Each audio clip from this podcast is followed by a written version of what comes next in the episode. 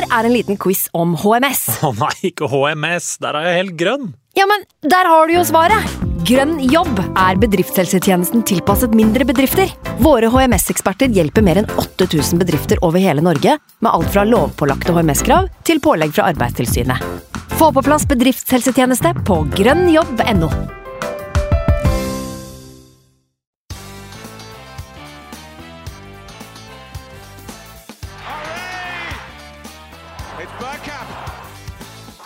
Now! The next station is Arsenal. Hjertelig velkommen skal du være til en ny episode av Arsenal Station. For anledningen med godgutten Sivert Skarstein Eriksen og meg, Simen Goffeng. Far i huset Magnus Johansen sjonglerer på omgangssyke og bleieskift på hjemmebane. Så når vi gamle karer ikke alltid er å regne med, så har din inntreden vært eh, helt topp på alle måter, Sivert. Eh, Hvordan er livet? Nei, det er godt. Det er godt. Uh, med fare for å bygge meg enda lenger ned, så er jeg jo litt fyllesyk, da, som jeg pleier å være da vi spiller inn. Søndagstradisjon, det nå. Men altså, du er 21 år. Du skal jo leve akkurat det livet du gjør. Du, uh, hvis min fremtidige arbeidsgiver tilfeldigvis hører på, så har jeg A i snitt på studiet mitt og, og alt mulig. Så ikke tenk på det, men jeg liker en god fest. A i snitt og en pod. Altså, det er jo komplett, det. Jeg begynner å ligne på noe. Nei, som, altså, sagt, altså, Magnus og jeg har jo vært litt sånn av og på her. Magnus skal sies har hatt veldig gode grunner eh, med nyankommen. Men eh, du er liksom da både en sånn ungfole som har kommet inn med energi og kreativitet à la Martin Ødegaard. I tillegg så er du blitt en sånn kontinuitetsbærer på linje med Gabriel eller Granitsjaka allerede. Så det er eh, Nei, du har, ja, du har gjort en, eh, en bra oppstart, det må vi se. takk for det. Jeg har ikke temperamentet til Granitsjaka, da. Det må jeg bare si. Jeg er veldig rolig, veldig sånn lugn. Uh, kanskje mer Thomas Party av meg. Ja, ok. Ja, men du skal, få, du skal få være hvem du vil. Ja, Det er uh, din, uh, din rett, det, å velge Arsenal-favoritt. Men helt ærlig, det er jo, Eh. det er jo 2023. Jeg kan jo, hvis jeg assosierer meg som Thomas Party. Du kan det. Altså, Noe jeg har lært om deg i dag, er at du også har aioli på pizzaen. Så du kan gjøre hva du vil, du. det stemmer. Høres ikke bra ut i mine ører og på min tunge, men eh, alt, eh, alt funker på en søndag, da, tydeligvis. Altså, putt aioli på en pepperspizza, og du ser deg ikke tilbake. Hvis du ikke liker det, så vippser jeg for pizzaen. Altså, det her er nesten sånn uh, pollmateriale, føler jeg. For jeg, jeg kan ikke fatte at aioli på pizza er i nærheten. Men, uh, men det er klart, du er jo den unge og nye generasjonen, så kanskje det er noen nye tendenser. Ja, jeg, altså, jeg er jo fyllesyk, det er jo ikke en fest med Altså, jeg sitter jo ikke med en moden Bordeaux sitter ikke med en moden Bordeaux ved siden av, liksom. Det er jo Urge og Ja, ja, altså, hadde jeg vært fyllesyk, så hadde jeg ikke trengt aioli på pizzaen. i hvert fall. Da tror jeg jeg hadde brukket meg og sendt det aller meste i retur fra gårsdagen. ja, vet du, Det her skal jeg komme tilbake til. Ja, nei, det får vi heller gjøre. Vi skal jo prate litt fotball i dag, først og fremst. Eh, nå er det jo noen dager siden kamp, da, så vi skal vel ikke bruke like mye tid på å dypdykke og analysere som vi pleier å gjøre. Du og Magnus fikk jo gleden av å sitte her eh, like etter 3-2 mot United eh, for en ukes tid siden, og det, det gjør at man kanskje har litt mer eh, både lyst og, og behov for å prate om kamp, mens nå har vi allerede rukket å få den litt på avstand. Men det har jo tikka inn med store mengder lytterspørsmål, og vi har vel litt overgangsprat vi kan innom, så jeg tror det skal bli en fyldig og god episode allikevel, dette her også. Jeg tror det blir bra, altså, men akkurat den City-kampen den ligger ikke forrest i frontallappen, den. altså. Nei, men altså er du på vors og ser FA Cup eh, litt sånn i bakgrunnen, så, og hører at resultatet ble 1-0, så, så gidder du ikke å gå den ekstra mila for å se det her i reprise. Nei, altså jeg våkner ikke på en måte litt tung i hodet etter eh, gin, eller et par gin tonic på fredagen og ser den 1-0-kampen der i reprise. Altså. Det, det gjør jeg ikke. Det er jo en sykdom allerede å bruke så mye tid som vi gjør på Arsenal, men akkurat der tenker jeg grensa går, ja. Helt enig. Aller først så tenker jeg vi må nevne samarbeidet vårt med supporterklubben Arsenal eh, Norway, som eh, jeg føler at vi har sett en del til. Altså Ronny Madsen har vært i VG titt og ofte de siste eh, dagene. Jeg føler jeg har hørt, hørt eh, meningene fra offisielt hold flere ganger de siste dagene, og noterte meg vel i en av de setningene der at det er bikka 7500 supportere i eh, klubben nå. Så det, det tar vi av satten for. Det er eh, bra tilkomst. Jeg er søren ikke dårlig, det. Det er bare å dunke på med flere medlemmer. De fleste har vel 250 kroner å avse, kanskje, i året. Det er vel i hvert fall ikke veldig mye. Så ja, anbefales. Det anbefales. Og så må vi vel være ærlig, som alle har fått med seg i disse dager, så er ikke nødvendigvis det å få lettere tilgang på billetter et av hovedpunktene for at du skal tegne medlemskap. Eh, det har vel supporterklubbene gått ganske tydelig ut og sagt òg, at det er spesielle tilstander, åpenbart, denne sesongen her. Eh, så det er jo for så vidt eh, bare noe man må forholde seg til per i dag. Men det er andre gode grunner. Det er et supportermagasin som man får tilsendt enten i post eller digitalt seks ganger i året. Det er 15% på fotballbutikk.no. Tror det kom en ny ladning med de svarte Arsenal eller Adidas bortedraktene her nå forleden. Så det betyr at det er muligheter for å få ganske god gjenbetaling på de 15 ganske fort. Og så er det vel, eh, som vi ofte sier, dette fellesskapet da, som vi alle er en del av, eh, som kanskje er det aller viktigste. Så kan man selvfølgelig si at ja, hvorfor skal det koste noe å være en del av et fellesskap? Men da har man faktisk muligheten til også å være med på arrangementer, eh, turer, når eh, de byr seg. Så det er mange gode grunner for å hive inn 250 kjappe på det. Eh, det. det. har vi gjort, og det skal vi vel fortsette å gjøre i, i all framtid, må vi si. Ja, det, det, er planen, det. Det er planen. Ja, men bra. Eh, snakke litt City-kamp først, da, eller? Jo da. Prøver jeg å komme omtrent like godt forberedt som det Magnus uh, pleier. Jeg uh, skal ikke si at jeg nødvendigvis er helt der, for jeg har ikke klart å finne startoppstilling engang fra fredag.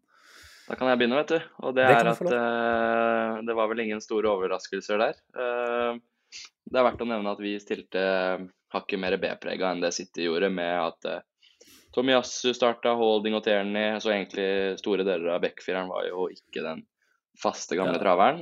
Ja, altså, ta med keeper òg, så er egentlig fire av fem i de defensive posisjonene bytta ut, faktisk. Ja. Og så, ja, Det er egentlig ganske mye i denne sentrallinja som var bytta ut. Uh, Viera spilte jo også på midten istedenfor um, kapteinen vår. Mm.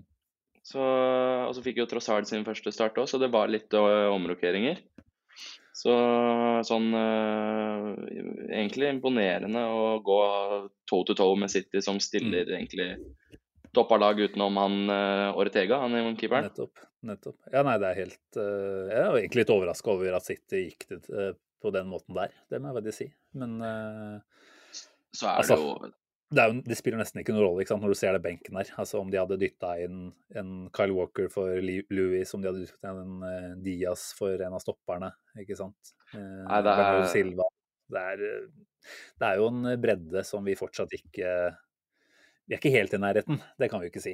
Eh, så, så, jeg tenker at det er omtrent akkurat det jeg håpa på, det må jeg faktisk si, i forkant. Ønska at vi var litt forsiktige. Jeg tenkte vel kanskje at Thomas Party også skulle få hvile fra start. Eh, men når Elnenis skade viser seg å være sannsynligvis ganske alvorlig, da, så gir det jo en slags mening i hvert fall at man eh, spiller Party fra, fra begynnelsen.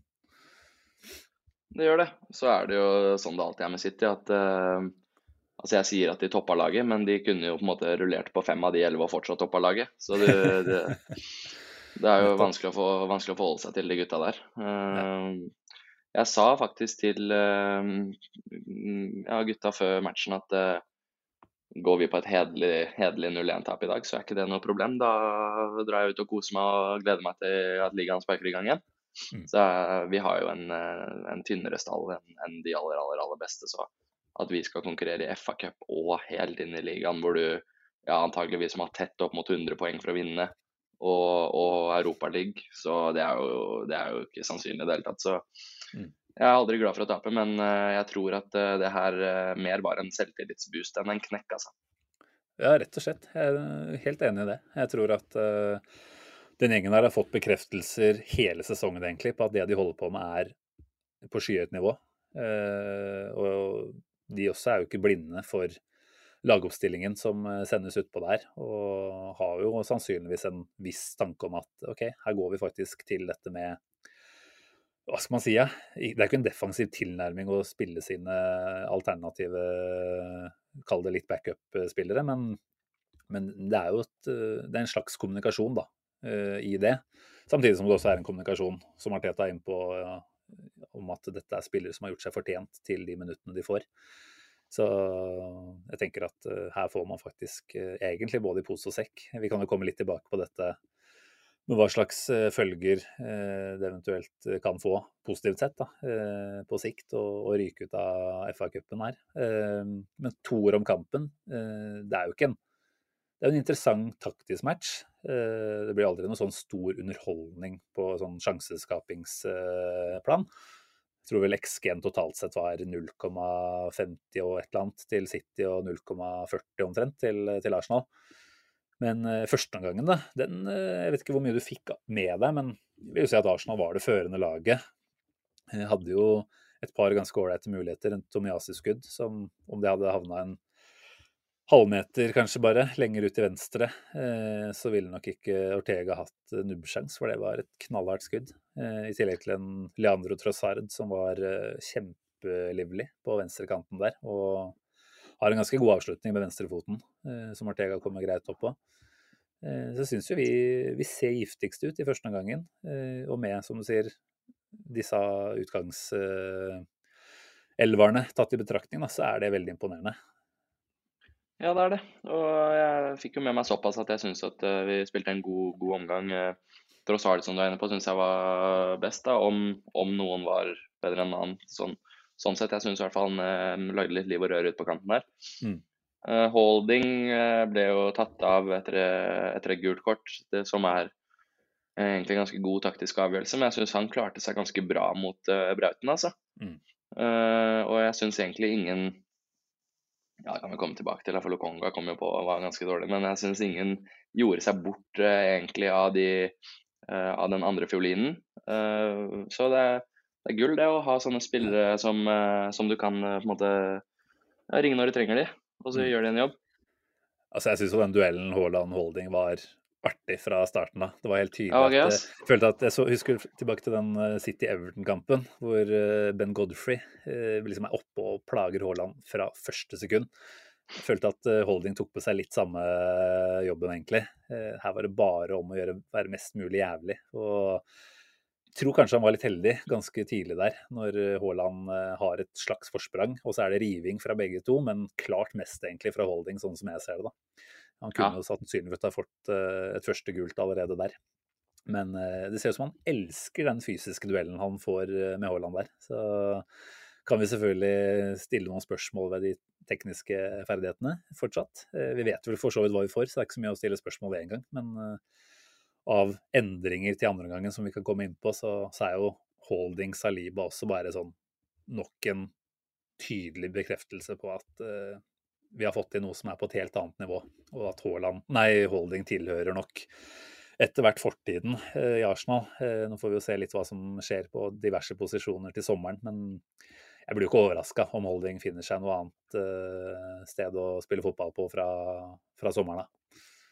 Nei, det er jo et par, par, som skal ut, og skal ikke se bort ifra at både Holding og Tierney som starter den kampen, her uh, spiller den siste halve sesongen i Arsenal-drakt nå, altså. Men uh, akkurat per dags dato så er han ja, fjerde, fjerde valg på midtstopper for oss, og det er uh, ikke et dårligere fjerdevalg enn de lagene som er rundt oss. Altså. Så det er he helt greit. Veldig godt poeng. Og en personlighet som matcher på en veldig god måte også. Så jeg tenker han, han har absolutt en rolle å spille i troppen som helhet, i hvert fall. Eh, du er jo inne på Trossard. Eh, jeg tenker at det er bare wow, er likhetstegn med hva man ser for seg fra en Arsenal-spiller, sånn fra første stund, egentlig. Han kommer inn og ser ut til å forstå eh, hva Arteta ønsker, og med ball i beina. Det må jeg bare si at jeg nesten Og jeg har sett Trossard i Brighton nå, åpenbart, men det blir liksom skummelt, og han klarer å dra seg til en meter i forsprang nesten i hver eneste duell. Da. Eh, rykker på akkurat riktig tidspunkt, eh, velger riktig retning. Og det blir farlig nesten hver gang. Så, så jeg tenker at han eh, kommer rett og slett inn her og legger et slags press på Martinelli, på et vis. Ja, jeg syns han er kjempegod, og det sier altså Vi har jo blitt veldig glad i Martinelli alle sammen, og det er ikke noe avslutning for han det her, men at de skal på en måte At det gjelder å prestere på trening for de to gutta, det er ingen tvil om. Mm. Og jeg så også vi fikk inn et lytterspørsmål her om uh, hvem som burde starte mot Everton av uh, Martinelli og Trossar.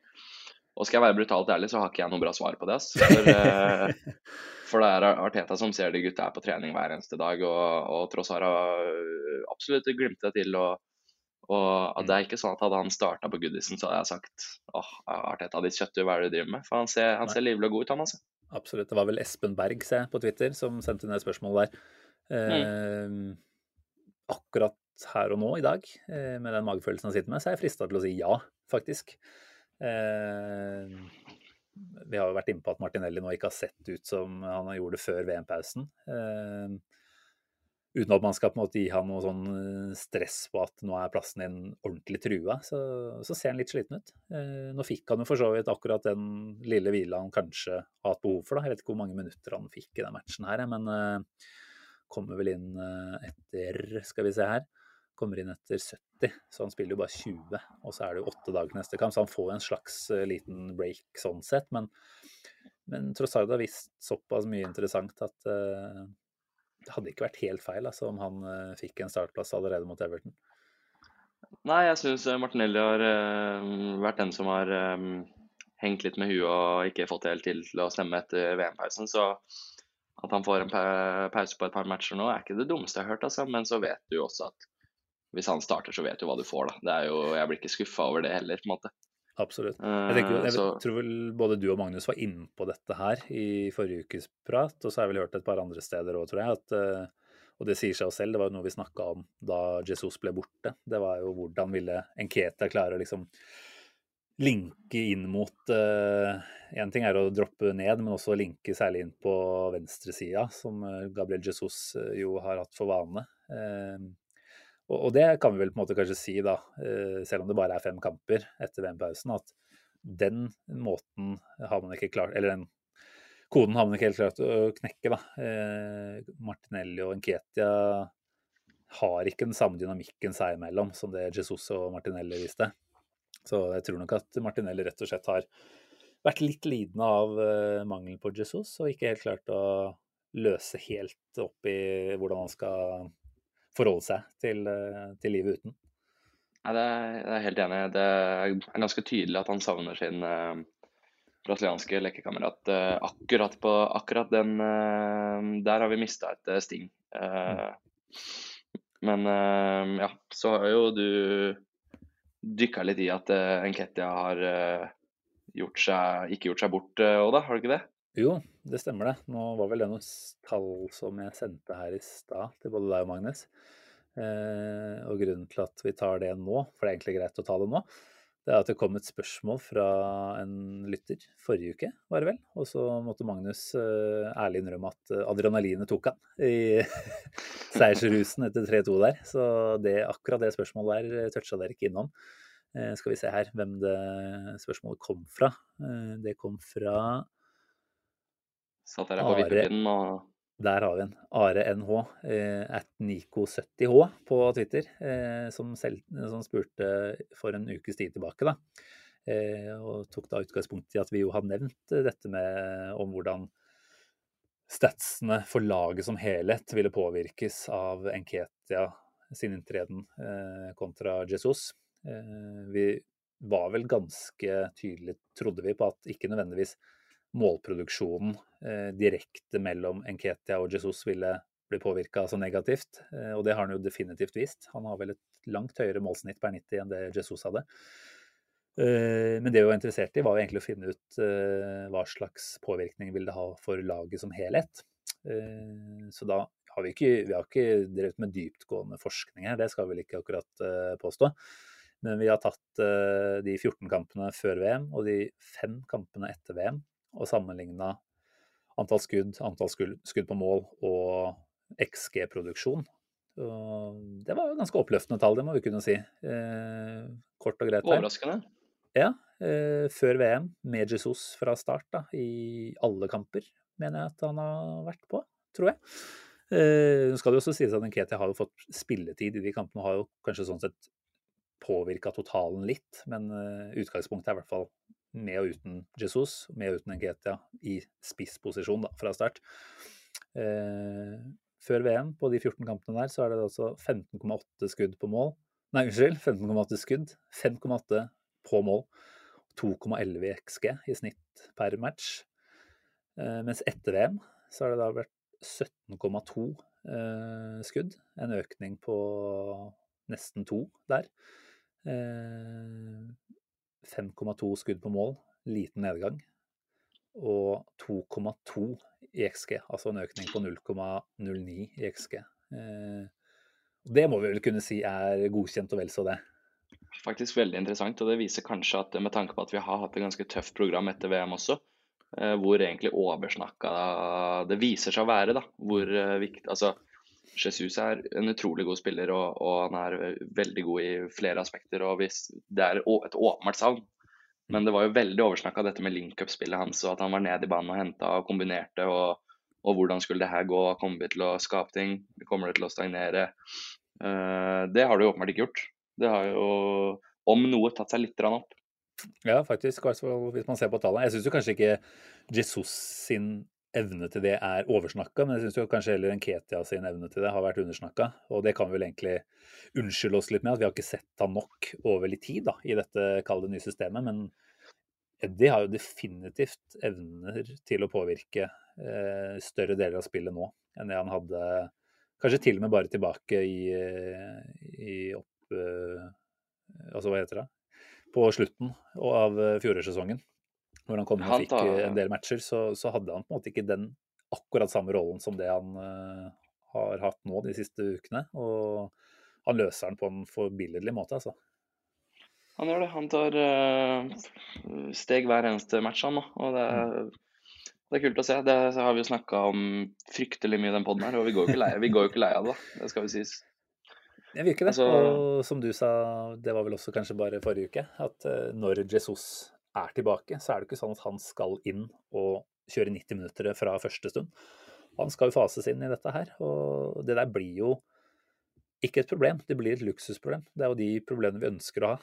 Eh, vi kunne Vi visste ikke helt hvordan dette ville bli seende ut. Vi kunne ha vært i en posisjon hvor drop-offen mellom Jesus og Enketia var på et, om ikke like nivå som Party Locogne, så kunne vi jo på en måte hatt den utfordringen å forholde oss til.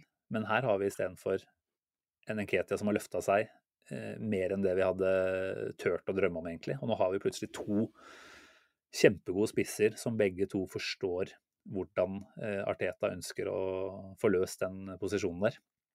Eh, og kampene kommer eh, tett utover våren. Så det her er eh, veldig, veldig oppløftende for, eh, for det som skal komme. Det er det. Eh, jeg så jo også en eh, veldig morsom stat eh, før vi gikk på her. At i de fem kampene etter VM hvor Enketia har starta, så har han hatt 0,8 i XG hvis du trekker fra straffespark. Altså nå kan ta straffespark, men hvis du gjør det på alle spissene, altså ja. non penalty XG, så har han 0,8 hver kamp. Og det er høyest i ligaen. Det er bare, det bare Haaland som også har 0,8. Wow. Alle andre er under. Det tyder jo på at uh, han er uh, helt der oppe med, uh, ved å bevegelser i boksen, mm. komme, komme, seg til sjanser, rive seg løs. de instinktene du må ha for å lykkes i Premier League. I hvert fall helt i toppen. Ja, det er, det er jo imponerende. og for så vidt, altså Det er egentlig overraskende med tanke på den store jobben han nå tross alt gjør i andre faser av spillet òg. Eh, Sammenligna med en Haaland f.eks., som jo dropper ned, men ikke er i nærheten av å virker det som i hvert fall, løse den oppgaven på den måten eh, Guardiola ser for seg. Det var vel senest etter var det Wolfskampen eller noe sånt, at han fikk klar beskjed om at han skulle ikke være der nede på de tidspunktene han var. Han skulle begynne å løpe eh, når ballen var i de og de eh, posisjonene. Så Enketia begynner vi jo, om ikke vi skal snakke som helt komplett, så er det jo en, en side av spillet hans nå, den taktiske delen og den forståelsen han har utvikla, som er eh, ekstremt uh, imponerende, altså. Ja, du hører hvor varmt uh, Arteta snakker om han også i hver eneste gang han får muligheten. Mm. At han er en flott gutt, at han, at han, møter opp først på trening, drar sist og lytter og er 100 profesjonell. Mm. Så skikkelig kult at han ja, får, får, det til å funke i så stor grad allerede. Veldig. Jeg føler også at den derre det har jo ikke vært en vind, skal man si, men det har vært noen kritikere ute og vært ja, hatt fokus på at vi må hente noe bedre enn Nketia. Men altså, realistisk sett, en som kommer inn og vet at Jesus er et slags foretrukket førstevalg når han er skadefri. En som skal komme inn og gjøre den backup-spissrollen, oppgaven like godt som Nketia, den tror jeg nesten ikke finnes. Nei, altså det var jo mange tunger der ute som mente at å gå fra eh, på en måte notorisk målskårer i Aubameyang og en uh, rutinert rev i Lacassette, to, to, to, spisser med stort, store europeiske navn, gå fra de to til, uh, til Gabriel Jesus, som spilte annenfull inne i City, og Enketia, ikke var en oppgradering. Mm. Det viser det seg jo helt åpenbart å ha vært. Ja. Liten, kuriosi liten, kuriositet nå, Simen. Hvorfor fikk jeg venneforespørsel på Facebook av Charlie Patino? Nå, akkurat nå. Vis meg den profilen, da. Det må Hæ? Det er ikke kødd, altså. Jeg har ni felles vennemann. Det er han der John Williamson han er på hver match, så det er sikkert ikke en fake bruker. Ja, det er bare å akseptere med en gang, i så fall. Det er ikke vits å spille hardget der. Nei, det er rått. Lukter det fremtidig gjest, da, eller? Altså, en liten snikpikk i hvert fall. Skåra for øvrig eh, Blackpools enemål han, i FA Cup-kampen mot Southampton og helga, så bra. Jeg syns det var kult. Jeg synes det var kult, ja. Ja, uansett, det er dritkult. Altså, jeg tror egentlig ikke på at det kan være den ekte Charlie Patino. Men, uh, han, er jo, han, er jo, tagga av uh, moren sin her hele tida. Uh, another superb performance, Charlie. Keep going, fra Mark Palmer her. Okay, ja, samme det. Nei, men det, det, er gøy. Fin kuriositet. skal, vi, skal, vi, hoppe kjapt tilbake til kampen, i den grad det var så veldig mye mer å snakke om. Men jeg syns jo det er verdt å prate litt om det som skjer til pause. Eh, da har jo tydeligvis Thomas Partey pådratt seg en eller annen kjenning i ribbeina.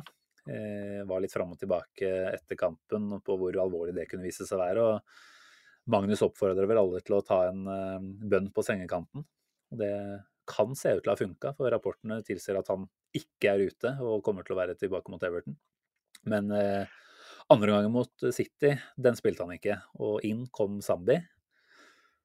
Uh, og igjen, jeg vet ikke, vi, vi skal jo ikke ta Zambi, for han kom jo fra et vanskelig sted her hvor han nesten ikke har fått spilletid. Uh, og for så vidt kommer inn i potensielt den vanskeligste rollen uh, å plukke opp etter etter noen, da. En eh, så utsatt rolle som sekseren i, i det Arsenal-laget her. Eh, men hva syns du, i den grad du fikk med deg litt av det Lokonga holdt på med etter pause? Hva tenker du? Nei, jeg syns eh, Altså, han kom jo inn, han kom jo inn på Etiad for Europas beste midtbanespiller nesten, ikke sant. Så han hadde en veldig, han hadde en veldig shaky start. Men helt ærlig, så av ja, det lille jeg husker, så syns jeg han spilte seg opp igjen, mm. uh, egentlig. Uh, og jeg har sett de der videoene som sirkulerer på Twitter, at han gikk rett i garderoben og sånn. Jeg tenker, Hadde han liksom gått og feira med gutta, eller altså klappa av borte fans med gutta og sånn, så, så, tror jeg egentlig ikke det hadde vært snakka så mye om altså Folk snakker jo som om han liksom tapte kampen for oss. Det, ja, det, det, det, gjorde han absolutt ikke. Det var vel én eller to ganger ganske kjapt etter uh, pause der at han uh, helt åpenbart sleit med både touch og evne til ja, å velge riktig. Han så litt lost ut, altså. Men uh, enig med deg at han spiller seg opp. Og det etterlatte inntrykket etter 45 er ikke så gærent, egentlig. altså. Men så er det jo fortsatt definitivt lov, tenker jeg, å mene at han ikke er god nok til å være en, uh, en slags backup for en Thomas Party når eller hvis han blir borte med skade. Nei, jeg sa jo Ja, sorry. Jeg sa jo i forrige episode at han er jo ikke god nok. Eh, det sa jeg jo rett ut, og det mener jeg jo fortsatt. Så det er jo ikke det. Mm. Men, eh, men jeg, altså, jeg, vi, er, altså, vi, er, jo mestere på å sage midtbanespillere. Sjaka har jo vært ferdig ti ganger da, i den drakta her. Så han er, jo, han er jo noe, han er en ung gutt, liksom. Han er født i 99, så ja, jeg skal ikke på en måte si at vi må selge han ved første mulighet. Uh, jeg så f.eks. at vi hadde avvist bud på 9 millioner euro nå av Monaco på Lokonga. Så eh, det kan jo være fordi det er veldig tynt der akkurat nå, selvfølgelig. Men, men eh, er, han i, er, han i, planene, så må vi jo bare backe han videre. Men eh, han gjør seg ikke noe tjeneste nå, i hvert fall. Nei, gjør ikke det. Jeg har fått mange spørsmål, jeg burde jo sikkert ha tatt med de før vi begynte å snakke om han. Men skal vi se, her er det både fra Fredrik Heierstad på Twitter som sier at han syns Lokonga får ufortjent mye tyn. Eh, husk at dette er spillere som ikke spiller så mye, og det å bli kastet inn på Manchester City er ikke verdens enkleste oppgave. Eh, så har vi fra Stian Børling på Twitter. Eh, mener at det som felte oss i dag, det lille som felte oss i dag, var Lokonga inn etter pausen. Han ser virkelig ikke klar ut. Bare å få lånt ut umiddelbart. Eh, ta med et par til derfra. Eh, Lars Lunde skriver eh, at Ødegaard er tydelig frustrert over Lokongas innsats. Hvor lenge kan dette fortsette? Og akkurat det der er jo litt interessant, syns jeg, da. Eh, for det var jo veldig tydelig. Det var vel helt på slutten av kampen, egentlig. Da Ødegaard gjør et forsøk på å presse, og vi vet jo hvordan han er opptatt av å få med hele laget i presset. Og Lokonga følger jo ikke opp, er ikke der Ødegaard forventer. Eh, Ødegaard gjør ikke noe, helst, noe, som helst for å skjule den frustrasjonen, og snur seg og gestikulerer ganske kraftig. og jeg tenker jo at Vi kan selvfølgelig unnskylde Lokonga i forhold til dette med matchfitness og eh, ja, det å komme inn da, rett og slett i en eh, andreomgang mot eh, City på bortebane. Det er ikke noe takknemlig oppgave nødvendigvis, men det er jo en kar nå som har vært under Artetas eh, vinger i halvannen sesong ca. som har kanskje vist pro på akkurat denne mangelen eh, tidligere. Vi husker jo borte mot eh, United, hvordan han var feilposisjonert og sånn sett bidro sterkt til at vi var veldig lette å spille gjennom der. Eh, det er jo kanskje den biten av spillet. Han er ung, det er fortsatt mye muligheter at han vil utvikle forståelse for det, han også. Men ja, den mangelen på taktisk forståelse, da, og forstå hvordan han skal forholde seg til det de andre spillerne på laget gjør. Eh, det er kanskje først og fremst det, og ikke nødvendigvis det tekniske. Eh, eller fysiske, for den saks skyld, men den taktiske forståelsen.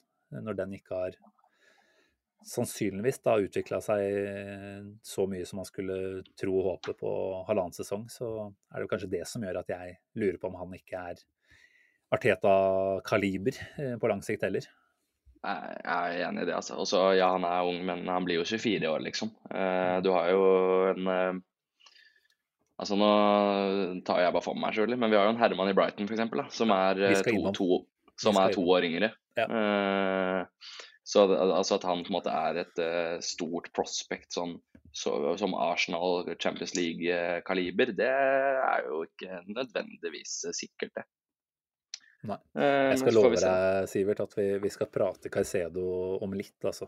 Eh, vi bare gjør oss ferdig med, med City-kampen først. Um, ja, det er bra. Jeg tenker, målet til City Jeg husker nesten ikke hvordan det kom engang. Det, var vel, eh, det var vel en liten touch på det skuddet som var innom Saliba, som gjorde at den ballen ble vanskelig for Matt Turner å, å komme bort på. Jeg syns vi kan gi Matt Turner en god dose skryt. Han kommer inn er litt shaky han også med ballen i beina i starten, men uh, spiller seg tryggere opp og, og syns han er igjen, hva backuper angår, da, eh, noe av det bedre man kan uh, håpe på uh, når man har en såpass klar førstekeeper som Ramsdale er. Det var vel en lytter som hadde noe som skulle sies om Matt Turner da. Nå skulle jeg gjerne hatt bonus her, kjenner jeg. ja, Turner syns jeg var god, og ja, han var god i VM også. Jeg begynner faktisk å få litt sansen for han. Han er ikke noe For eksempel, da. Det er jo Leno vi hadde hatt på, på benken eh, eller hatt tidligere for Ramsdale, og han er ikke noe dårligere enn Leno, syns mm. jeg. Selv om Nei. han starter for et lag som spiller på øvre halvdel av Premier League. Da. Men Helt det tror jeg Tørne kunne gjort òg. Altså. Det tror jeg også. Silje Svendsen, mm. aka Trygdeturi, eh, kjenning av oss, eh, spør jo hvor bra var Matt Turner i dag. Så ut til å ha jobbet meget godt. Ro med ball, spilte av press og bestemte involveringene sine. Om man nøler på gjennomløpet til Haaland der, så er det tidlig dusj, og det er faktisk et godt poeng. Den, eh, den der hvor han kommer ut og får sklitakla rett foran beina på Haaland, eh, den er jo kjempeviktig. Ja, han var, han var god, altså. Så, ja, det blir spennende å se. Altså, det er jo en uh, diskusjon for en annen dag, da. Men uh, en mann som etter hvert begynner å nærme seg sin beste alder, uh, sin beste keeperalder. Jeg tror han er sjeleglad bare for å ha fått muligheten til å komme til Arsenal og spille for klubben han har eh, holdt med siden han var ung. Men eh, på et eller annet tidspunkt så vil jo kanskje også Turner se at dette her har vært ekstremt fett å være med på, men nå må jeg spille litt mer. Så får vi se når det blir. Den tid, den sorg. Den tid, den sorg. absolutt. Jeg må, bare, jeg, jeg må bare innrømme at eh, første gangen så jeg ganske nøye, og, og starten av andre også. Egentlig følte jeg ganske bra med, altså. Men da Ake satte den i mål, var det ikke rundt 65, ja. Da godt ble det litt, ja, da ble det litt opp på høyttaleren og et par GT, altså. Det, da, eh, herfra og inn, herfra inn så husker jeg ikke all verden, altså. Eh, og det, det har ikke noe med alkoholen å gjøre, men eh, Nei, jeg jeg bare brydde meg ikke så mye. Nei, men jeg tror det rett og slett har å gjøre også med at Arsenal produserte vel omtrent ingenting. Eh, mener å ha lest at Arsenal hadde 0,04 i XG i hele andre gangen. Eh, så det vi hadde, det var definitivt før pause. Og det er jo Altså ja, Party måtte ut, men vi bytta jo oss for så vidt opp, da. Vi satte jo inn både Ødegaard kom vel inn eh, Ja, Saliba kommer inn til pause. Sinchenko kom på. Sinchenko kommer inn etter 68. Ødegaard og Martinelli kommer inn etter 70 og 75. Så, så det er ikke sånn at vi avslutter med Ja, vi, vi, vi gjør oss sterkere utover omgangen sånn sett, da. Men eh, det, det kan jo hende, uten at det blir noe annet enn spekulasjoner, eh, at det betyr at dette var noe Arsenal-gutta tenkte at vi kan tåle å tape. Eh, Jeg, jeg tror ingen spillere går ut på den banen der og tenker at de vil tape, eh, men vi snakka vel litt om det for et par uker tilbake, dette med hvor stor er sulten, ikke sant. Da snakka vi vel egentlig om Citys sult på Premier League-tittel. Jeg mener å huske at du var uenig med meg der i at det, det var noe man i det hele tatt skulle prate om, men jeg tenker jo Arsenals sult er jo først og fremst nå retta mot ligaen og ikke FA Cup. Det kan hende at en litt manglende desperasjon da, eh, er litt på grunn av det også. I tillegg til at City selvfølgelig er et kjempelag som det er vanskelig å finne en vei gjennom. De holdt jo ballen veldig godt innad i laget på slutten her. Ja, eh, altså, altså Sånn oppsummert så, så syns jeg helt ærlig uh, Skulle vi fått inn 1-1 på slutten der nå, og så uh, måtte spilt liksom en, en hjemmekamp mot City, altså en fjerde kamp mot City i det rotteracet i liga og alt mulig, klemme inn det, det syns jeg hadde vært litt masete. Altså, jeg, altså vi, vi, vi vinner jo FA-cuper i søvne, liksom. Uh, Arteta, Arteta til og med har jo allerede løfta den. Så, og, og det her sier jeg ikke for å gjøre meg til eller noen ting, men jeg syns ikke det er interessant med FA-cup når vi har muligheten eh, når, altså når vi ligger der vi er, da, og vi er i februar Mm. i morgen. Jeg er ganske enig. Vi kan jo ta med noen spørsmål eh, før vi tar en liten prat videre om akkurat det her. Fleskspurven eh, spør først. Er dette mest betenkende eller betryggende å tape mot gullrivalen?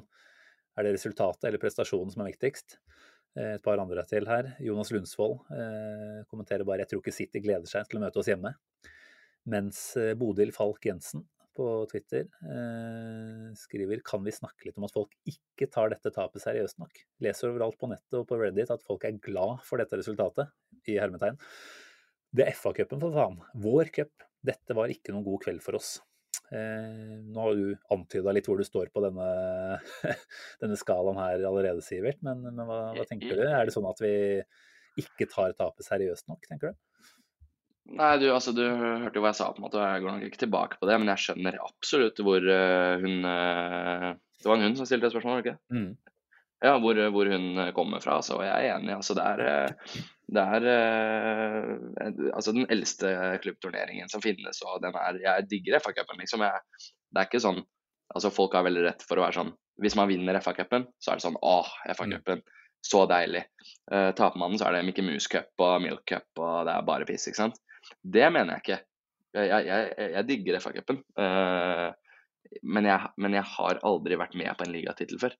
Og så, må vi jo bare eh, stikke fingeren i jorda og real, altså realitetsorientere oss litt. Det var ordet jeg lette etter. Fordi altså, vi har ikke den, vi har ikke den troppen til City. Uh, eh, ja, så ja, jeg skjønner det, og jeg er ikke glad for å ryke ut, men jeg er glad for at vi hevda oss mot City. Eh, altså, jeg jeg skal jo til England om 13 dager på flyet, eh, og jeg skal se den kampen mot City. Og, og da er jeg proppfull av selvtillit, eh, og jeg tror at vi jeg tror vi får poeng der. Eh, de er ikke noe bedre enn en oss. Og det, det er egentlig det jeg tar med meg. Enig. Jeg tenker det som vi snakka om i stad, er faktisk sånn man nesten kan vurdere det her til å være en selvtillitsboost for, eh, for Artetas eh, gutter, rett og slett. Altså, jeg er helt enig, altså, jeg vil ikke tape fotballkamper. eh, Men når man først skal tape det, så er det nesten en perfekt måte å tape på dette her. Altså, Fins det perfekte tap? Jeg vet ikke. Men, men det, er så, det er et lite kinderegg, egentlig, man får ut av det. Altså, den neste runden i FA-cupen så er jeg på terminlista. Den skal spilles eh, i midten av mars, mener jeg at det var. Eh, det er da midtuka før City spiller hjemme mot Newcastle i tidlig kamp på lørdagen. Eh, den FA-cupkampen skal vel spilles tirsdag, onsdag eller torsdag, regner jeg med. Eh, Ja, FA-cupen er vel Newcastle ute av, så det betyr jo at eh, City får jo Altså, vi så jo selv hvor vanskelig vi hadde for å bryte ned det Newcastle-laget her. City får jo da ikke eh, samme oppladning til akkurat den kampen. Og så selvfølgelig har de den brede troppen de har, så de, de tåler dette bedre enn noen andre. Men eh, jeg er glad for at det ikke er vi, da, som står i akkurat den situasjonen og trenger å fokusere på en FA Cup-runde eh, rett før en helgerunde. Da hadde vi hatt Bournemouth hjemme, da, så skal det sies at vi burde kunne klart det uansett. Men totalen er at vi får færre kamper, og det er faktisk en bra ting for den relativt eh, tynne troppen her. Eh, Veldig, ve veldig fint sagt, altså, Simen, men jeg kan bare spinne videre på den og si at uh, det tapet gjør nok, uh, ifølge mine, mine kilder, Mm. som vi kan uh, At eh, den hengekampen vår hjemme mot Everton Ja. blir lagt til, eh, den blir lagt til onsdag 1. mars. Men det er jo fint å Ja, er det da den eh, midtuka der, altså? Mulig at jeg Ja. Men, eh, men Det, det, det er den ikke annonsert, da, men det, jeg, jeg blir ikke overraska hvis det skjer. altså. kan jo gi mening.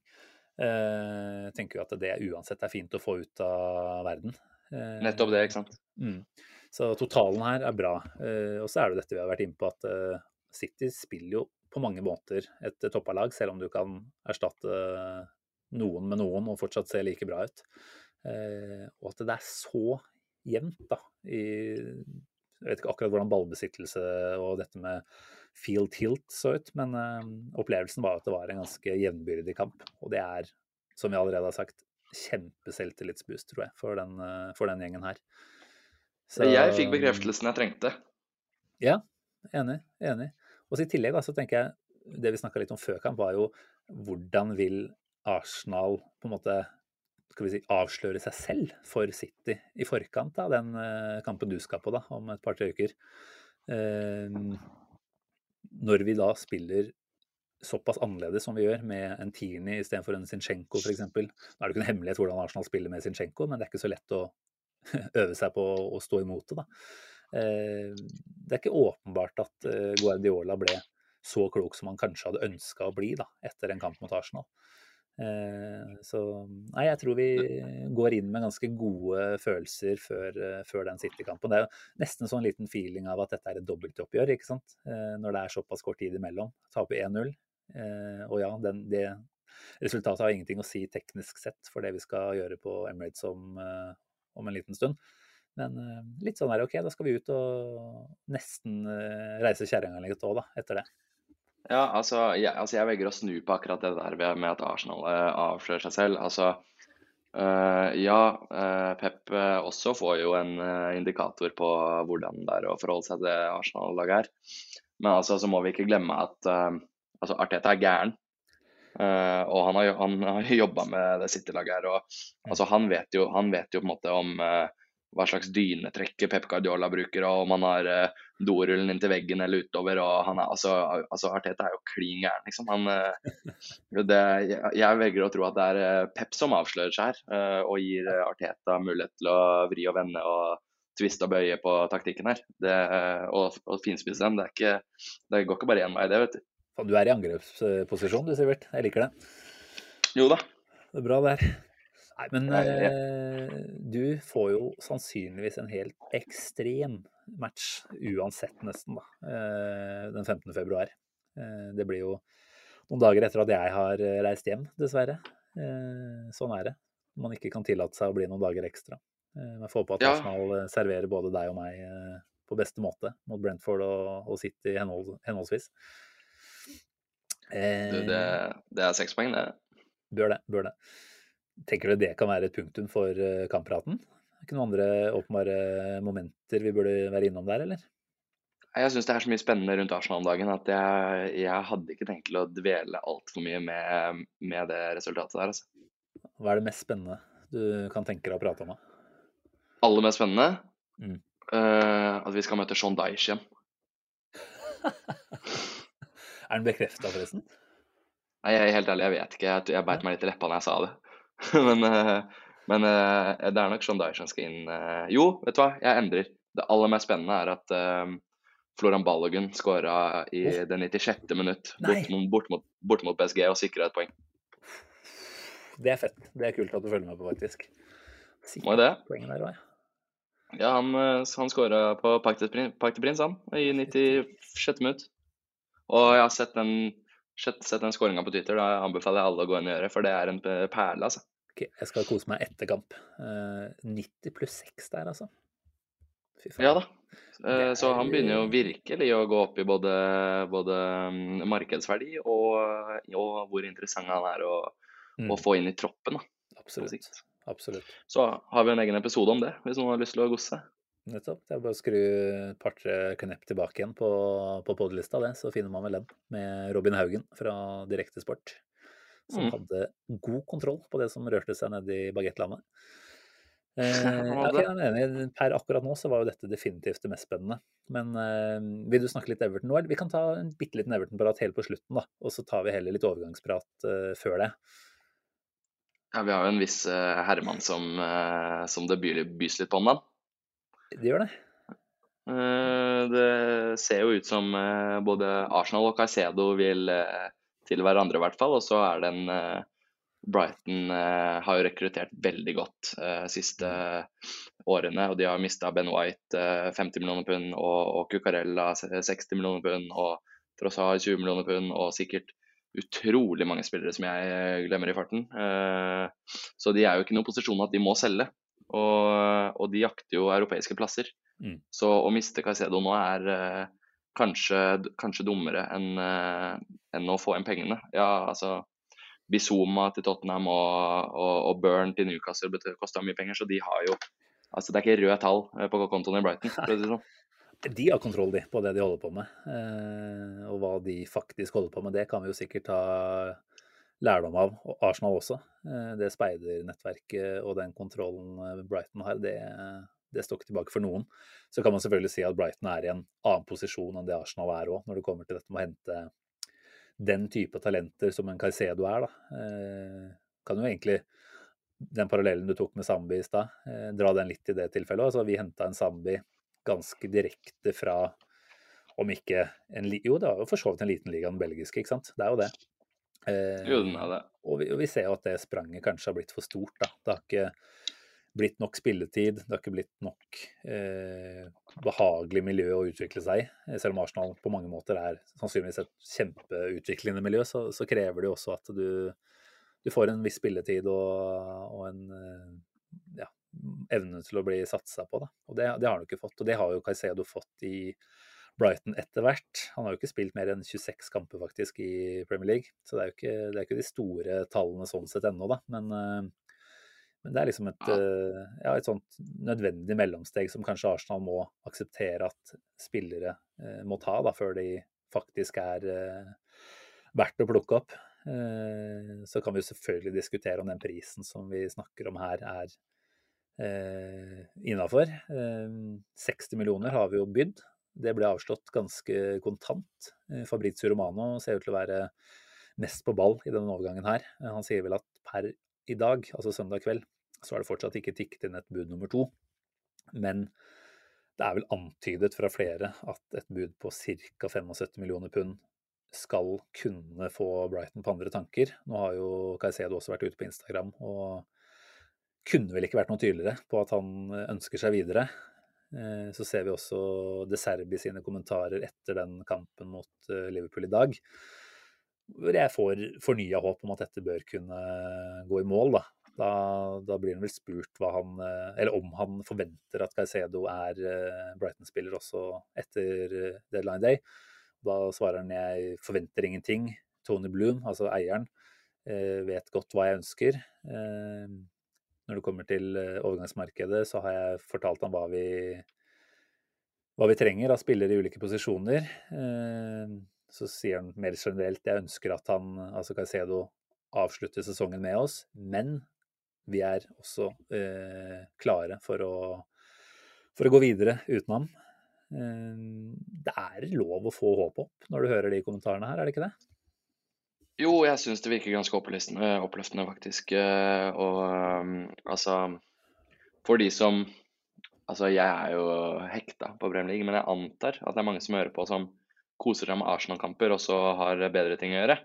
Og, og på en måte, har du ikke sett mye Brighton i år, så kan jeg fortelle deg at eh, her, her, har du en, en, jævlig god spiller, da, for å si det sånn. Eh, både, både, Liverpool og Chelsea har jo egentlig ligget paddeflate etter han hele, hele vinduet. Eh, og, og, det er vel sånn altså er, Han er jo blueprint Thomas Party midtbanespiller. Altså det, det, det, går jo ikke an å, å, kopiere Altså få inn bedre, et bedre alternativ til Thomas Party enn en Caicedo. Nei, jeg er helt, eh, helt enig. Så de, de, kronene der mener jeg det er vel verdt, og, og jeg følger, følger det, den sagaen der med argusøyne, altså. Mm. For mm. altså eh, så, skal, så, er det jo, ser jeg mange nevner at de vil ikke ha sånne spillere som streiker seg ut, og at det bare blir trøbbel og sånn. Men altså, dette er en kar som er altså, han Som han la ut på Instagram, han er én eh, i en søskenflokk på ti. Han kommer fra utrolig fattige kår, og han har bare 3000 pund i uka, så jeg, i Brighton. Det, det, her er jo en lønn som hadde blitt ja, 30-dobla hadde han gått, gått til Arsenal. og mm. altså Det er jo en Altså, han, han, er, han, er, to år inn i en fireårskontrakt, og, og jeg syns egentlig ikke det er så rart, det. At han tenker at nå har jeg lyst til å prøve å løfte Premier League og spille Champions League og ja, som, som sagt. Det er jo nettopp 30. det. Og han var vel ganske tydelig på, igjen hvis man skal tro rapporter eh, via via, da, på at da Chelsea viste veldig tydelig interesse tidligere her, så var det litt sånn kult, men vi tar det til sommeren. Mens nå når Arsenal er helt klare i at, han, at de ønsker å få ham på plass, så ser han jo som du sier at her er det faktisk mulighet til å være med og kjempe om et, eh, et ligagull allerede nå. I tillegg da, til at man kommer inn og ja, er kanskje først og fremst en slags party-backup, men for meg så framstår jo Caicedo, uten at jeg har sett alt av Brighton, som en som også kan løse en sånn Chaka-rolle, kanskje på en litt annen måte. Eh, men framstår veldig dynamisk, kjempeteknisk med ball, atletisk som få. Eh, så for meg så er han kanskje eh, altså både en sekser og en åtter, da. Eh, og vi har jo drømt om midtbanekonstellasjoner som vi kan sette sammen etter hvert. og Det er klart det å ha en som kan bekle begge posisjoner, og som gjør at den treeren på midten blir så dynamisk som mulig, det tenker jeg bare må være et kjempepluss. Så hvis man har gått ut her nå og tenkt OK, 60 millioner pund, der starter vi, da ville jeg blitt overraska om man ikke er villig til å strekke seg 10-15 millioner lengre. Nå kan vi jo selvfølgelig ta Mudrik-sagaen som en slags sånn pekepinn da, på, på, hvor langt man er villig til å strekke seg. For de hadde jo helt tydelig en, eh, ja, en måte å vurdere verdi på eh, i Mudriks tilfelle, og så stoppa det eh, på et eller annet eh, tidspunkt. Så er jo spørsmålet hvor, hvor går den grensa med Caicedo, da. Det blir spennende. Det er jo nettopp det. Det blir, det blir spennende å se. Men altså, han, han er så jævla god, Caicedo, at uh, henter vi han uh, nå, nå, skal ikke jeg uttale meg om Kiwi i år, da. Men henter vi han og Trossar og mm. et, uh, og et uh, venstrebeint eh, midtstopperalternativ i et, januar, et utfordrende januarvindu, det er, det er sinnssyk business. Altså. Det er bare å ta seg av den. Altså, da kan ingen ta oss på at vi ikke prøvde, i hvert fall. Nei, fy faen. Om vi kommer nummer to. Absolutt. Jeg så på noen tall her òg på Casedo. Han er da, altså det er sammenligna med Arsenal-spillere, eller utvalgte Arsenal-spillere. Ehm, nei, det er faktisk sammenligna med de beste Arsenal-tallene i de ulike kategoriene her. Eh, på punktet taklinger og gjenvinninger så troner Caicedo øverst med 78. Eh, Party nummer to på den lista med 55, så kjempedifferanse. Saka er faktisk nummer tre på den lista med 32. Så Caicedo gjør jo den biten utvilsomt veldig godt. Progressive pasninger. Der er Party den Arsenal-spilleren med flest, med 85. Men Caicedo kommer inn på en flott andreplass med 80. eh, som er det samme antallet som Martin Ødegaard her. Så igjen, kjempetall. Eh, Gjennombruddspasninger. Ødegaard topper for vår del med 13, mens Caicedo ville da vært den andre beste Arsenal-spilleren med syv, mens Thomas Party har fire. Eh, Mm. I tillegg så var det vel en stat fra Premier League så jeg bare kom over, og det også er jo oppløftende. Eh, Moises Caicedo har en bedre eh, suksessrate i luftdueller på 69,7% enn noen annen sentral midtbanespiller i Premier League denne sesongen. Så vi kaster vel kanskje rundt oss med ordet komplett litt for ofte, men jeg føler at i det tilfellet her så er komplett eh, faktisk eh, det mest eh, fornuftige ordet å bruke, rett og slett. Ja, det er eh, ja, ja, jeg er veldig imponert av, av. Så hadde vi fått inn han, så hadde det vært helt sinnssykt. Altså. Men eh, det satt jeg i poden her og sa om Mudrik også, så jeg velger å ikke kommentere altfor mye før han står med drakta i hånda. Nettopp. Men uh, veldig oppløftende rykte, altså. Og det, vi er veldig, veldig på ball i, i vinduet. Det syns jeg Ja, ja. er kjempekult. Eh, Definitivt. Altså, Altså, det er lenge jeg skulle bare Nei, jeg skulle bare si at det, ja, ja, ja, ja, ja.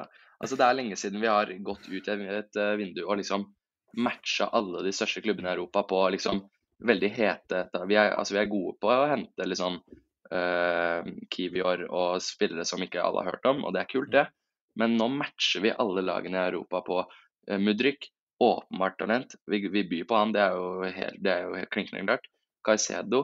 Og, og de spillerne her, som de fleste andre gode klubber i Europa også snuser på og har på radaren, de vil til oss, da. Mm. Eh, Sånn har det ikke vært på en stund. så går det vel an å håpe da, på akkurat eh, at denne gangen her så har Top Gun Todd, som Magnus eh, gjerne kaller eh, fokuset et litt annet sted. Fordi det snakkes om at Chelsea nå er veldig i ferd med å få sikra seg Enzo Fernandes fra Benfica. Og da er det jo åpenbart at eh, de ikke skal ha begge to. Så, så her bør det faktisk være klar bane, altså. Uten at man skal jinxe det for kraftig. Så når er deadline day? Er det på tirsdag, eller? Eh, Ja. Ja. Så det er, det er noen få dager igjen her. Enzo Fernandes, eh, Mudrik, eh, Felix, Nkunku. Spiller han FM, Todd, eller? Det er samme kjøpelista som deg, det, på FM. Ja, det er, det er jo så brain dead. Ja, altså vi kan ta den Chelsea-praten en annen gang. Vi, vi har vel kødda om at vi skulle hatt et fast uh, Todd Bowley-hjørne her, men akkurat i dag så orker vi ikke det, vel. Simen er mest uh, oppspill på det. Jeg bryr meg ikke om hva som skjer i den delen av landet. Ja, Magnus, ja. Ja. ja. Nei, eh, vi, vi står over det.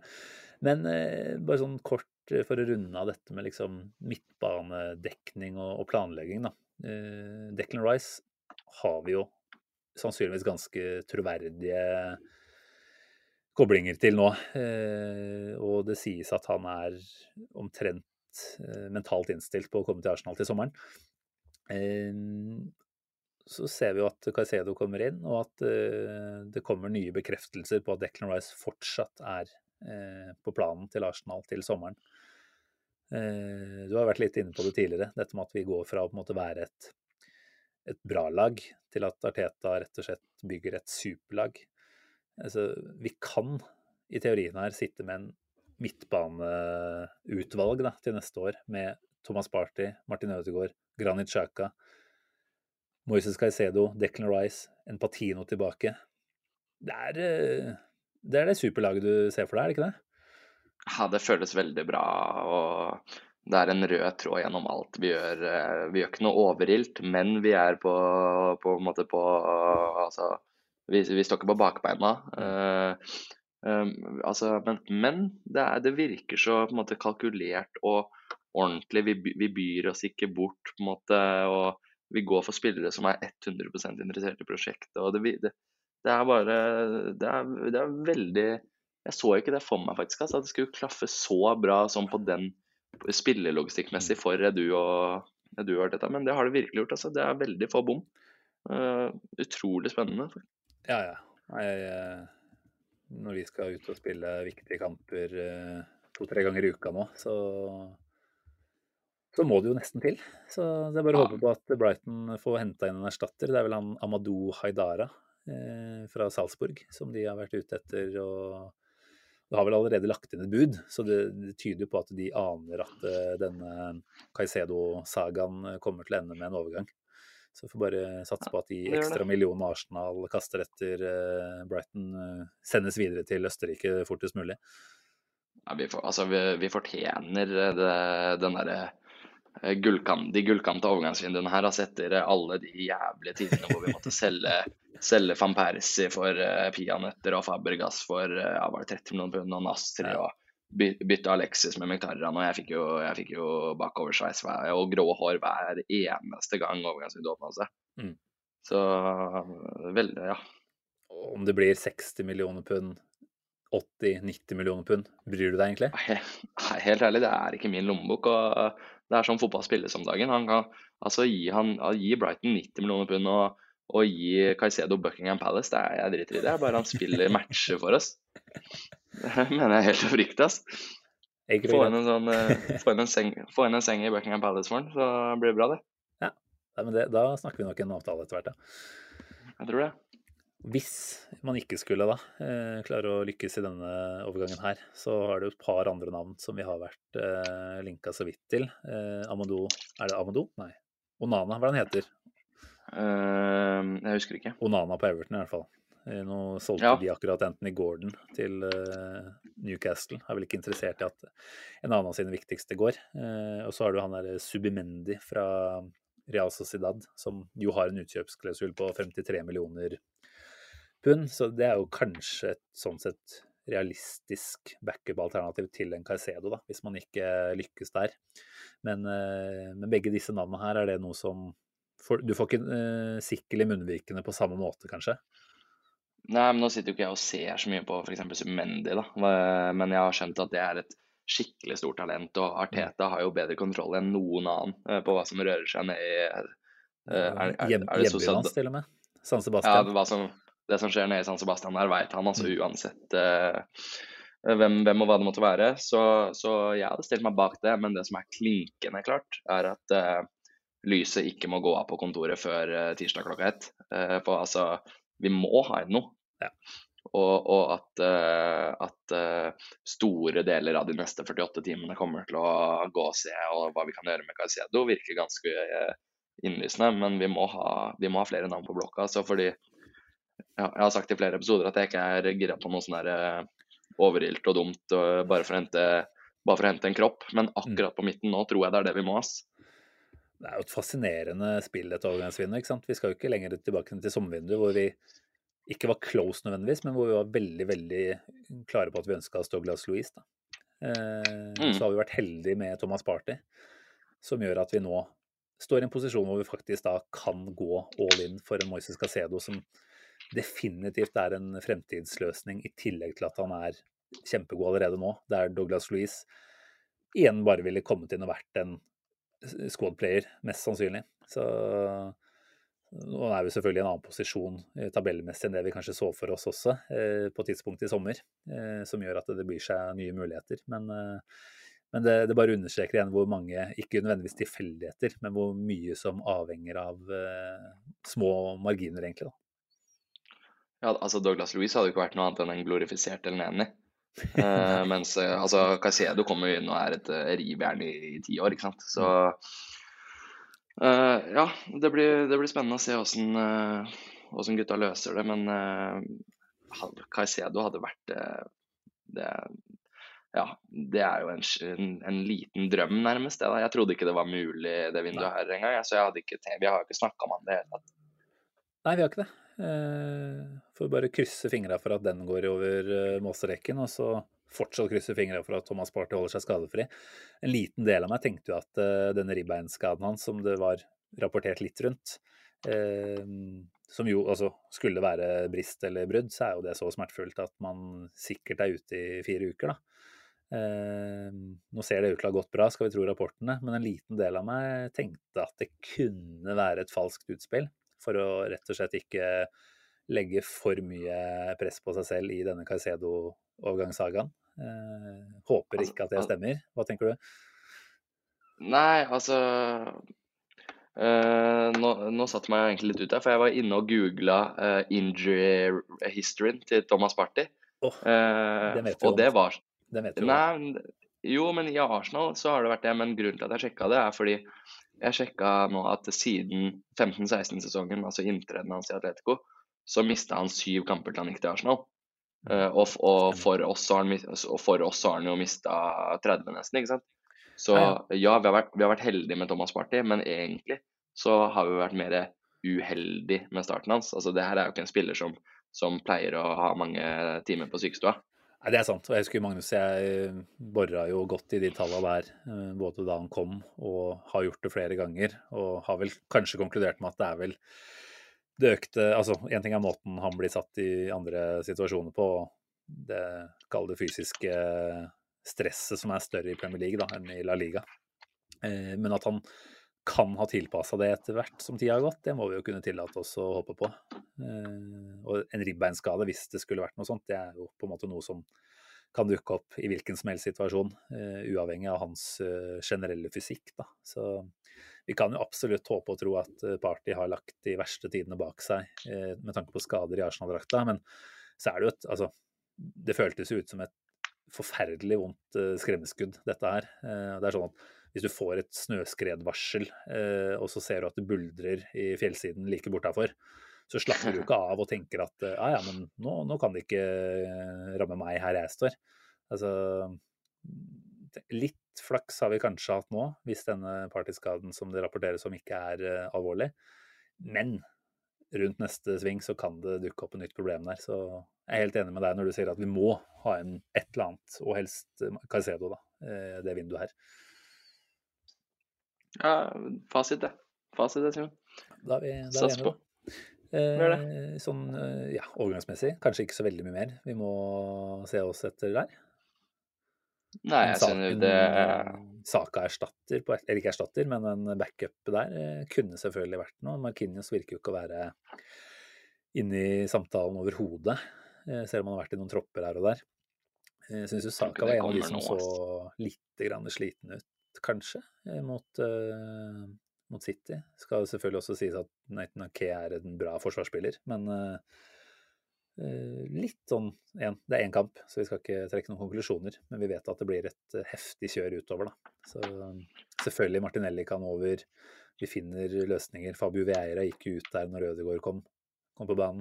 Så det fins alltid muligheter. Men en litt sånn like for like-type som Saka, det, det mangler jo den troppen her. Så får vi jo se da om det blir Kulisevskij til, eh, til sommeren, som jo hadde vært ekstremt artig. Ja, kjempegøy. Eh, Bare for å avslutte overgangspraten, så er det vel verdt å nevne at uh, Ornstein nevnte jo for to dager siden at eh, Martinelli har signert ny 4,5-årskontrakt. Det er sykt. vi er, vi er vel ikke så dumme at vi ikke nevner det. Nei, det tenker jeg er veldig på plass, ja. Én av tre. Én av tre, ja. Mangler bare Saliba og Saka nå. Ja. Nei, men altså Så- Martinelli 4,5, eh, var det ikke det? Kanskje ett Jo. år mindre enn det jeg hadde sett for meg, egentlig, men uh, greit nok. Skal ikke henge Ja. for mye opp i det.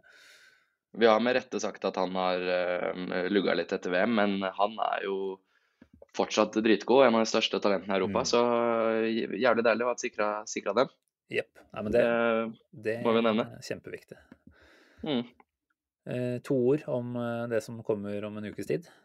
Uh, Everton borte på lørdag tidlig, er det vel faktisk. Det betyr at du tar det idet du står opp det, og har eh, sovet av deg fredagsfylla. Er det lørdag tidlig? Ja, jeg tror det. Ah, slitsomt med å bytte bort vakta på jobb, da. det. Det får du gjøre. Eh, hva Nei, tenker, eh, hva men tenker du om det? eh, Nei, jeg tenker at eh, jeg er jo alltid redd for å møte lag som har ny manager. For det er jo Jeg ser at det ikke er bekreftet ennå, men det er jo overveiende sannsynlig at det er eh, Sean Dyche som står der. Mm. Eh, Så kan vi også ta med oss at Arsenal har eh, spilt mot Sean Dyche 15 ganger. Sean Dyche har vunnet én. Tre øvert, elleve tap. Det er Så, såpass. så, så han har ikke Jeg tipper at en, altså den ene seieren og de tre øverte har kommet eh, på hjemmebane.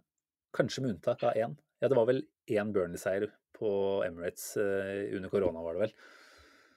Men, eh, Ja, men, men Sean Dyche de, er jo litt sånn typisk hjemmelagtrener, er han ikke det? Som klarer å fyre opp og lage et helvete når noen kommer på besøk. Han er det, han er det. Så um, det blir spennende å se. Mm. Spilte jo også 1-1 mot, uh, mot Burnley i fjor. uh, når de gikk ned på Emirates. Uh, det var mye skader da. Både Lokonga og Patino starta, tror jeg. Såpass, ja. Men ja, uansett. Det blir spennende. egentlig så bryr jeg meg ikke så mye om hvem som står og, står og skriker til de Everton-gutta, for de har jo sett helt patetiske ut i, i, 20 måneder. Det har de. det har de. Og det er ikke bare under Lampard de har vært dårlige, men jeg må jo si at sånn for ligaens integritet, da, hvis man skal ta på seg den der, så, så syns jeg jo det er ganske svakt av Premier League å ikke klare å ha fått satt opp den Everton-matchen her eh, på tidligere tidspunkt. Eh, selvfølgelig det som er managerbytter og sånt, det vil jo være tilfeldig å variere uansett, men her er det tross alt en Lampard som har sittet siden sesongstart, får fyke nå mot slutten av januar, eh, og da i Arsenals eh, situasjon da fortsatt ikke har spilt én kamp engang mot et Lampard-lag. Det, det syns jeg er kjipt. For det, det, der tror jeg vi hadde hatt fantastisk gode sjanser. Det tror jeg fortsatt at vi kommer til å ha også mot et uh, Sean Dyche Everton. Men uh, den derre new manager-bouncen, den frykter man jo alltid. Så får vi se hvor mange dager han faktisk får, da. Uh, nå er det mandag ganske så snart. det kan jo fort bli tre-fire dager på feltet. Så får vi se om det er nok til å innstille noen ny mentalitet hos den gjengen der. Er det, er det én ting jeg vet med Sean Dyche, så er det at når han kommer inn i en ny klubb, så bygger han bakfra. Mm. Uh, han, han, skal stenge igjen, og han skal, holde, han skal ha kort avstand mellom lagdeler. og han skal ha struktur, og, og alle løper for hverandre første 90 minuttene hans. Mm. Det er altså Det blir ikke samba-fotball, for å si det sånn. Så altså, her blir det veldig viktig å være påskrudd. Uh, vinne, vinne ballen tidlig og male på Jeg tror faktisk Nå har jeg bestemt meg. Jeg håper tross alt start. Jeg håper tross alt start. Jeg håper faktisk tross alt start. For han er, ja, han er utrolig god på de små flatene der og, og, og det greiene her. Uh, det var en jævla dum analyse, selvfølgelig, de greiene her. Men uh, ja, jeg håper han starter. Uh, og, jeg, og, jeg, gleder meg til å se oss mot uh, den type motstand. For å møte Sean Dyche er ikke et Sean Dyche-lag. for å si sånn. Det er, det er likt hver gang. Du vet hva du får, men eh, det er en grunn til at han holdt seg oppe så lenge med Burnley. Det er ikke lett. Mm. Nei, altså jeg frykter den kampen der. Par hakk mer, i hvert fall. Det må jeg jo si. Eh, med en Sean Dyche som på en måte ofte ble snakka opp som en trener som ikke eller som fortjente en sjanse i en større klubb enn Burnley. Nå får han faktisk den sjansen etter hvor lenge han har vært borte. Det er jo noen måneder etter hvert. Begynner å bli, begynner å bli nesten en sesong, vel? Ja, så jeg er kjempespent på ja, for så vidt på hva han kan få til eh, med et sånn type lag. Jeg håper ikke han får til noe allerede nå. Eh, men nei, det er en liten Det er jo en ekstra twist i hvert fall som gjør at det blir enda mer interessant enn, enn det ellers ville vært. Men så er det som jeg har nevnt tidligere, og det kommer jeg til å nevne hver episode til uh, ligaen er over i forrige år. Skal du vinne um, når du spiller mot Altså når du har City som argeste rival, så må du få 94, 95, 96, 97 poeng. Og da må det gå mot uh, møte alle lag utenfor topp fire, og egentlig spille de av banen fra første minutt. Uansett om det er hjemme eller borte. Det er ikke noe sånn være redd for Sean Dyche innad i garderoben, tror jeg. Det er bare sånn, sånn her tabloid mm. sånn podkast-tull. Sånn, altså, her, her, er vi skjerpa fra start, og uh, det burde ikke være noe problem. Sånn sett fra et ligavinnende perspektiv. og, det, og det er det perspektivet vi liker å innta. Jeg tenker, jo, altså, Som vi har snakka litt om tidligere her, eller mye altså, Den gjengen her, det er jo mentality monsters. De, de møter opp og altså Nå har vi sett Brentford, ikke sant? hvordan vi bare gikk uh, bort til, uh, til hjemmebanen deres og kvelte de fra start. Hvordan vi tok knekken på Brighton, uh, som nesten ingen andre gjør. Så dette er jo en gjeng som nå liksom har fått opplevelse på opplevelse etter hvert som sesongen har skridd fram. Og troa vokser jo bare for hver eneste gang. Da. Så nei, altså Det er kanskje feil å bruke ordet frykt, for det, den gjengen her tror jeg frykter veldig lite. Her handler det egentlig om å bare være heldig med, med skader. Eh, slippe de så er altså Arteta lar ikke den gjengen her gå inn til en kamp mot et bunnlag med lave skuldre og en altfor uh, slapp tilnærming. Altså Han skal utpå der og banke opp gamleklubben sin. Så Han skal det. Mm. Så, så, så jeg også et intervju med Pep Guardiola her, som, uh, hvor han snakka opp Arsenal. Da, og han sa at når man kommer opp på det nivået her i fotball, så er alle taktisk smarte. Alle er godt trent. Alle er tekniske. Alle spillerne er det. Og det, det du må ha for å skille deg ut, bare om det er ett, to, tre poeng og vinne hele greia, det er det siste, det derre Mm. stinget, ikke sant. Den derre punchen, glød i øya. Og det har vi jo. kanskje? Er det lov å si Ja. sult? Nei, det har jeg sagt før. Jeg så Nei, men eh, Nei, og det mener jeg, så lenge vi har det, så er jeg ikke redd for noen ting. Altså. Uansett om det er City på Emirates eller Everton borte. Nei, Nei, men jeg tenker det er et fint sted å, å runde av. Ja. Håp og, og tro inn mot uh, ny uke, det er det vi trenger, det. Håp og tro og kjærlighet. Håp, tro og kjærlighet. Eh, noen spørsmål som vi ikke har svart på. Eh, bare beklage til alle som har sendt inn og ikke fått respons her i dag. Eh, vi prøver så godt vi kan, skal være flinkere neste gang. Eh, bare veldig kort her, en som vi ikke nevnte vel i, eh, i praten i forbindelse med kampen. Han var jo ikke med, det var jo Smith-Roe. Vi har fått et par Mm. spørsmål med tanke på han. Eh, skal jeg prøve å få lett meg fram, da. Terje Balsnes på Twitter spør hva med Emil Smith-Roll? Er han wheelchair 2.0?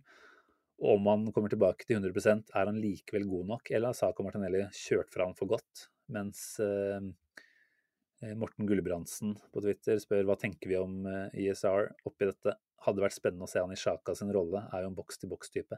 Nå var det vel en hamstring, eh, tror jeg, altså en liten kjenning, var det det, som eh, holdt han ute av denne her? Altså, Det var ikke noe som Ja, var det var eh, precautionary, ja. Men uh, igjen, nå har vi blitt kjent med Smith Roe etter hvert, og det kan jo også bety to uker til, tre uker til. Hva, hva tenker du om han altså med tanke på denne sammenligna med Wilshere, altså et supertalent som dessverre måtte se at skadene stoppa det fra å bli en superkarriere, da. Det er jo altfor tidlig selvfølgelig å konkludere, men kjenner du på den frykten i forhold til Smith Rowe? Nei, eh, egentlig så um, tror jeg folk um, glemmer egentlig litt hvor god han er.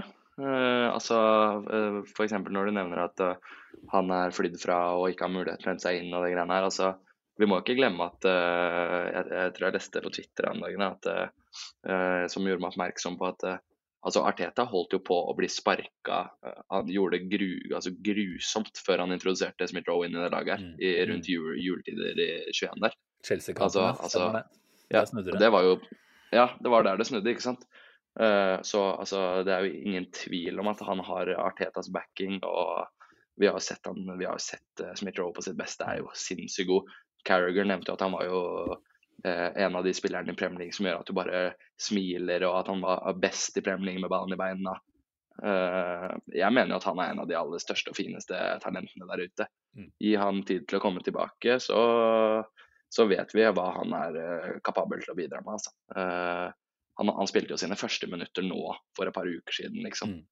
Oi, eksklusiv. Jeg har uh, varsel på Romano, vet du. Arsenal submitted new bid for Moises Caicedo. Understand it's worth 70 mil package, add-ons included. Ok, vi nærmer oss nå, da. Vi gjør det. Jo, men for å gå tilbake til Smith Rowe der. Uh, ja, jeg har gjort det ganske klart hva jeg mener. Han, han er en del av uh, framtiden. Ja, altså jeg har ikke så veldig mye å legge til der. Syns du oppsummerer det bra. jeg. Men eh, jeg er nok eh, kanskje hakket mer bekymra med tanke på denne skadehistorikken. Eh, fortsatt for tidlig. Men, eh, og han har etter sigende tatt noen viktige grep for å gjøre en bedring for sin egen del. Men selvfølgelig, altså når dette her nå vet vi ikke akkurat hva det er, men dukker opp noe mer etter denne operasjonen, og han liksom har vært på vei tilbake og fått noen minutter, som du sier, og så plutselig er han ute av troppen igjen.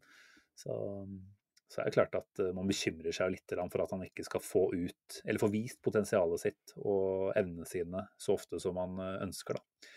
Men uh, han har jo ikke en Jeg tror ikke han har en wheelchair-skjebne foran seg, heldigvis. Nei, nå opererte han jo for at eh, den skaden her ikke skulle være tilbakevendende, da. Mm. Eh, og så kom han jo som sagt akkurat tilbake, så at han på en måte måtte stå over mot City for at de ikke skulle slå opp et eller annet, det er jo Det kan jo bare fysioen svare på. Men eh, jeg tror han kommer, kommer seg, altså. Vi har jo ikke noen forutsetning for å tro noe annet. Nei, vi har ikke det. Vi har ikke det. Nei, men fint. Jeg tenker Nå skal vi ikke bli for, eh, for negative her på slutten, så tror jeg vi bare skal si at det er bra for den, den podden her. Nesten halvannen time når det ikke har vært noe kamp på de siste to og et halvt døgna. Det er vel godkjent, det er det ikke det? Absolutt ikke dumt. Ser at uh, Magic Kasper24 på Twitter uh, Jeg har bare lyst til å ta med den inn i drømmene. Hvordan tror dere en Caicedo, Rice og Ødegaard-trio på midten for Arsenal ville fungert? Jeg tror det ville fungert som bare røkkeren. Altså. Eh, og så er det ikke så gærent om vi har en Thomas Party istedenfor Rice fram til sommeren heller. Men eh, Caicedo, Rice og Ødegaard midtbane, det, det, klinger veldig godt, ja. Det gjør det. Det gjør det. En, eh, en sveitser i bakhånd der og tror, tror det blir bra. Granit Chaka tillater aldri å være i bakhånd, så vi får, eh, vi får, se hvor eh, ferden går videre for både Caicedo, Rice og Chaka etter hvert. Men nei, nå skal jeg drømme litt midtbanetrioer. Se for seg litt ja. forskjellige konstellasjoner. Få de Nei, jeg syns vi har levert, jeg. Ja. Og det er veldig hyggelig at det, det kommer inn så mye mm. overgangs... Altså sånne spørsmål på Twitter og det er kult. og vi, vi, merker jo det. at det er, nå Når Arsenal gjør det godt, det gjør podden, gjør podden ekstra godt òg. Bra trøkk. Men det er, det er kult, det. Veldig kult. Altså, får bare Som jeg sa til deg før vi gikk på luft her, altså se at lyttertallene de stiger og de stiger. Og selvfølgelig det har å gjøre med Arsenals utvikling og at vi bare er på et fantastisk bra sted om dagen. Men uh, jeg velger å gi deg litt av æren for det også, Sivert. Eh, jeg tenker at eh, ditt unge sinn det, det, kommer godt med når disse gamle kara begynner å trekke litt på alderen. Så Er det et er det, er, det, er det et ungt sinn som har dratt opp de lyttertallene, så er det Martin Ødegaard, altså. Ja, det skal jeg ikke være uenig i, faktisk. Nei, men vi får, vi får, se at det er bra for i dag. Eh, faen, strålende uke. Så får vi heller eh, ah, jeg klarer liksom ikke å bry meg altfor mye om det tapet her. Og det er deilig å ha det sånn. Eh, blir jo nesten smådeppa etter hver eneste lille nedtur. Men eh, akkurat den FA Cup-exiten her, den, den, lever jeg ganske godt med. Så skal det opp i ringa igjen på, på lørdag på Gudisen. Utvilsomt. Nå skal jeg i senga og bytte bort lørdagsvakta mi, så snakkes vi. Liten oppgave der. Tusen takk, Sivert. Takk til alle som lytter. Vi setter veldig stor pris på det. Og så sier vi bare på gjenhør om ikke altfor lenge. Ha det bra. Ha det.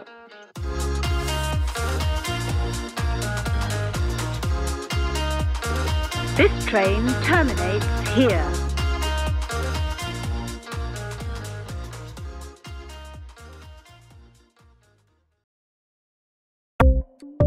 Ukens annonsør er HelloFresh. HelloFresh er verdens ledende matkasseleverandør og kan være redningen i en travel hverdag. Mange av oss har nok vandret i butikken både sultne og uten en plan for middagen, som ender med at vi går for de samme kjedelige rettene gang på gang. Middag burde være dagens høydepunkt. Som HelloFresh kan du nå velge mellom 25 ulike retter hver eneste uke, eller få HelloFresh til å sette sammen menyen for deg. Dette gir deg muligheten til å prøve nye og spennende retter alene eller sammen med familien. Du velger antall porsjoner og får alt levert på døren på et tidspunkt som passer for deg. Oppskriftene er enkle, og maten er lett å lage både for store og for små. Ved å få alt levert hjem får du også mer tid til å dele matgleden med familie og venner. Kanskje det frister med asiatiske tacos eller greskinspirert kylling? Da kan jeg anbefale deg om å gå inn på hellofresh.no. Her kan du bruke koden FOTBALL og få opptil 1779 kroner i rabatt på de første fem matkastene hvis du ikke har prøvd Hello Fresh tidligere. Du kan også bruke rabatten hvis du har vært kunde og stoppet abonnementet ditt for tolv måneder siden eller lengre. Gå inn på hellofresh.no og bruk koden FOTBALL. Har du et enkeltpersonforetak eller en liten bedrift? Da er du sikkert lei av å høre meg snakke om hvor enkelt det er med kvitteringer og bilag i fiken, så vi eh, gir oss her, vi. Fordi vi liker enkelt.